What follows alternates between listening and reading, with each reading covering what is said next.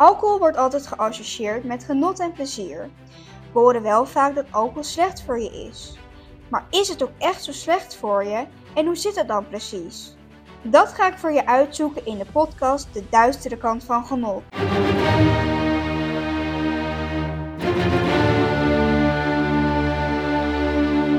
Leuk dat je weer luistert naar de podcast De Duistere Kant van Genot.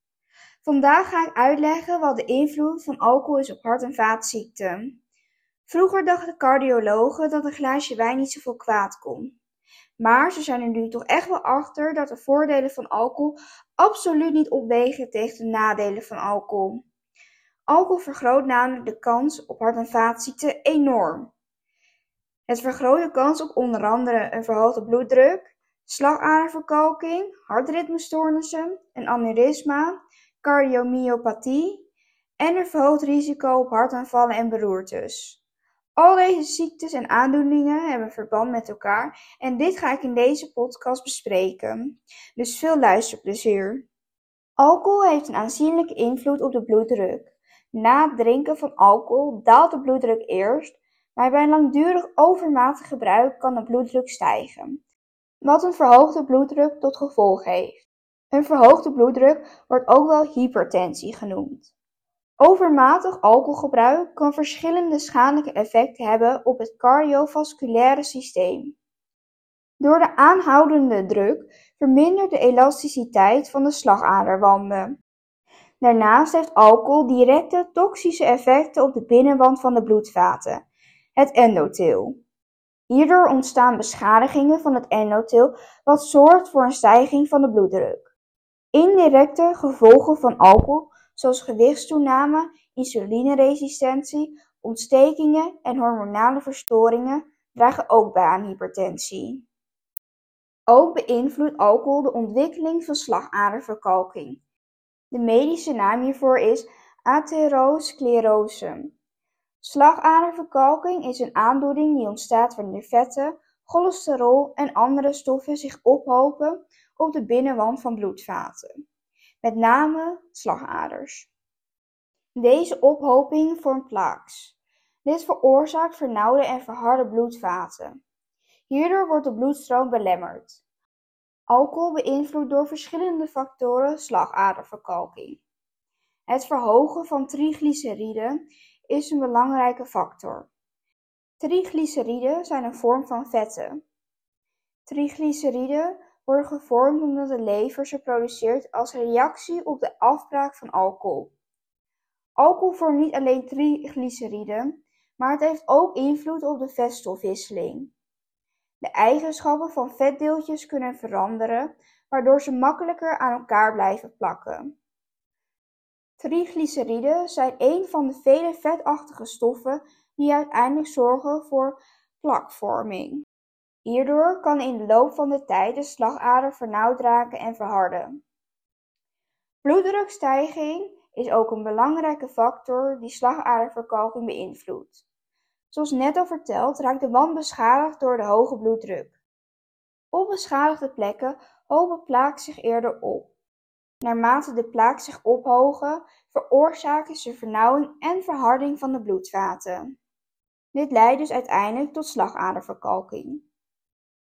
Overmatig alcoholgebruik kan ook cardiomyopathie veroorzaken. Dat is een aandoening waarbij het hart niet effectief kan pompen. Cardiomyopathie kan leiden tot structurele en functionele veranderingen in de hartspier. Chronisch alcoholgebruik kan leiden tot alcoholische cardiomyopathie, waarbij de hartspier verzwakt raakt en de pompfunctie afneemt. Dit vergroot het risico op hartinfarcten door de verminderde bloedtoevoer. Daar later meer over. Alcohol heeft toxische effecten op hartcellen. Het veroorzaakt structurele schade en verminderde contractiliteit. Dat is het vermogen van de hartspier om samen te trekken en te ontspannen. Hartritmestoornissen kunnen optreden door cardiomyopathie. Alcohol bevordert het ontstaan van cardiomyopathie door verschillende factoren. Het verstoort onder andere de voedingsstofopname. Dit leidt tot tekorten. Bij overmatig alcoholgebruik kan thiaminedeficiëntie ontstaan, wat een specifieke vorm van cardiomyopathie, beriberi-hartziekte, kan veroorzaken. Beriberi-hartziekte wordt gekenmerkt door een verzwakte hartspier en het verhoogd risico op hartfalen. Ook veroorzaakt alcohol oxidatieve stress. Bij de afbraak van alcohol ontstaan reactieve zuurstofsoorten als bijproducten. Dit veroorzaakt oxidatieve stress. Bij oxidatieve stress is er een onevenwicht tussen de productie van vrije radicalen, zoals reactieve zuurstofsoorten die ik net noemde, en het vermogen om ze te neutraliseren met antioxidanten. Oxidatieve stress kan leiden tot ontstekingen en beschadiging van bloedvaten en het hartweefsel. Dit kan bijdragen aan cardiomyopathie. Daarnaast verstoort langdurig overmatig alcoholgebruik het lipidemetabolisme. Lipidemetabolisme zijn alle processen in het lichaam die betrokken zijn bij de productie, opslag, afbraak en regulatie van vetten.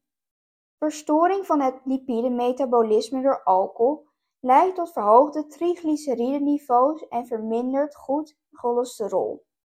Deze verstoringen bevorderen de vorming van plak in de bloedvaten, wat het risico op slagaderverkalking en cardiomyopathie vergroot.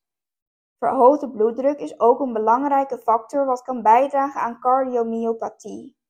Door de hoge druk ontstaan er namelijk beschadigingen. Daarnaast worden ook hartritmestoornissen beïnvloed door alcohol. Bij een hartritmestoornis slaat het hart te snel, te langzaam of onregelmatig. Bij elke hartslag trekt het hart zich samen. Dit seintje is een elektrische prikkel en dat gebeurt in een regelmatig ritme. Als iemand een hartritmestoornis heeft, is er iets mis met de elektrische prikkels. Ze komen te snel, te langzaam of via de verkeerde weg. De meest voorkomende hartritmestoornissen zijn boezemfibrilleren en ventriculaire tachycardie. De afkortingen hiervoor zijn, zijn voor boezemfibrilleren en VT voor ventriculaire tachycardie. Bij boezemfibrilleren is er onregelmatig en versnelde hartslag. Alcohol kan de elektrische signalen verstoren, waardoor de boezems van het hart niet meer op de juiste manier samentrekken.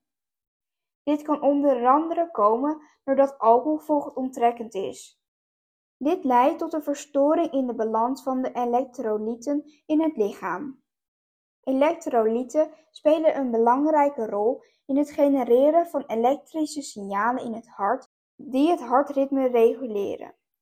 Zoals net al gezegd kan alcohol hypertensie veroorzaken, dat is die hoge bloeddruk. Die hoge bloeddruk kan bijdragen aan boezemfibrilleren of het zelfs verergeren. Daarnaast leidt alcohol tot een verhoogd stressniveau door het slaapritme te beïnvloeden.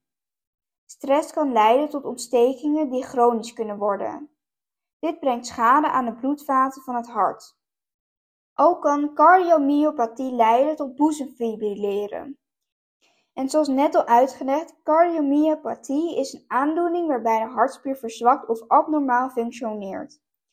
Al deze factoren die ik net heb opgenoemd kunnen bijdragen aan boezemfibrilleren. De andere veel voorkomende hartstoornis waar alcohol invloed op heeft is ventriculaire tachycardie. Dat is een aandoening waarbij het hart abnormaal snel en ongecontroleerd klopt. De grootste risicofactor voor ventriculaire tachycardie is littekenweefsel in het hart. Dit kan ontstaan door een hartinfarct. Door het littekenweefsel worden elektrische signalen verstoord en dit leidt tot een onregelmatig hartritme. De elektrische signalen kunnen ook worden verstoord door alcohol. Alcohol beïnvloedt de elektrische geleiding doordat het invloed heeft op ionenkanalen. Hierdoor wordt de QT-interval verlengd. Een normaal QT-interval is de elektrische hersteltijd tussen opeenvolgende hartslagen. Wanneer iemand alcohol consumeert, worden de kaliumstromen verstoord, wat leidt tot een vertraagde repolarisatie van de hartcellen. Dit betekent dat de hartspier langer de tijd nodig heeft om zich elektrisch te herstellen tussen de samentrekkingen. Dit leidt dus tot een verlengd QT-interval. Daarnaast heeft alcohol effect op de hartslag en het hartritme en het kan voor een verhoogde bloeddruk zorgen. Ook is cardiomyopathie een risicofactor voor ventriculaire tachycardie. Door cardiomyopathie raakt het normale ritmische samentrekken en ontspannen verstoord. Dit kan dus leiden tot een hartritmestoornis. Ook vergroot alcohol het risico op aneurysma's. Aneurysma's worden beïnvloed door alcohol door het vergroten van het risico op schade aan bloedvatwanden, verhoging van de bloeddruk, oxidatieve stress, verstoring van het lipidemetabolisme en toxische effecten op celweefsel. Een aneurysma is een abnormale uitstulping of verwijding van een bloedvat, meestal een slagader. Het ontstaat wanneer de wand van het bloedvat verzwakt raakt. Dit verzwakte gebied kan uitzetten en een abnormaal grote ballonachtige structuur vormen. Zoals eerder gezegd veroorzaakt alcohol een hoge bloeddruk en oxidatieve stress, wat leidt tot beschadigingen van de bloedvatwand. Ook kan langdurig alcoholgebruik het lipidemetabolisme verstoren, wat resulteert in verhoogde triglycerideniveaus en verminderde HDL-cholesterolniveaus. HDL-cholesterol is als het ware het goede soort cholesterol. De vorming van triglyceriden en verminderde HDL-cholesterol bevordert de vorming van slagaderverkalking in bloedvaten, wat de wanden beschadigt en vernauwt. Dit alles kan uiteindelijk leiden tot een aneurysma. Al deze eerder genoemde aandoeningen kunnen uiteindelijk leiden tot een beroerte of een hartinfarct. Ik ga beginnen met het uitleggen van een beroerte. Je hebt twee soorten beroertes: ischemische beroertes en hemorragische beroertes. Ischemische beroertes ontstaan door geblokkeerde of vernauwde bloedvaten. Ze leiden tot verminderde bloedtoevoer en schade aan het hersenweefsel door bloedstolsels. Ze zijn de meest voorkomende soort beroerte. Hemorragische beroertes zijn zeldzamer, maar ernstiger. Ze worden veroorzaakt door bloedingen in de hersenen. Hartritmestoornissen, hoge bloeddruk, een aneurysma en gewichtstoename door alcohol zijn allemaal factoren die het risico op een beroerte verhogen. Alcohol kan eigenlijk op dezelfde manier een hartaanval veroorzaken. Een hartaanval ontstaat wanneer een deel van het hartspierweefsel afsterft door onvoldoende zuurstoftoevoer. Dat is meestal veroorzaakt door een vernauwing of afsluiting van een kransslagader. Dit komt vaak door een coronaire hartziekte. En een coronaire hartziekte wordt veroorzaakt door slagaderverkalking.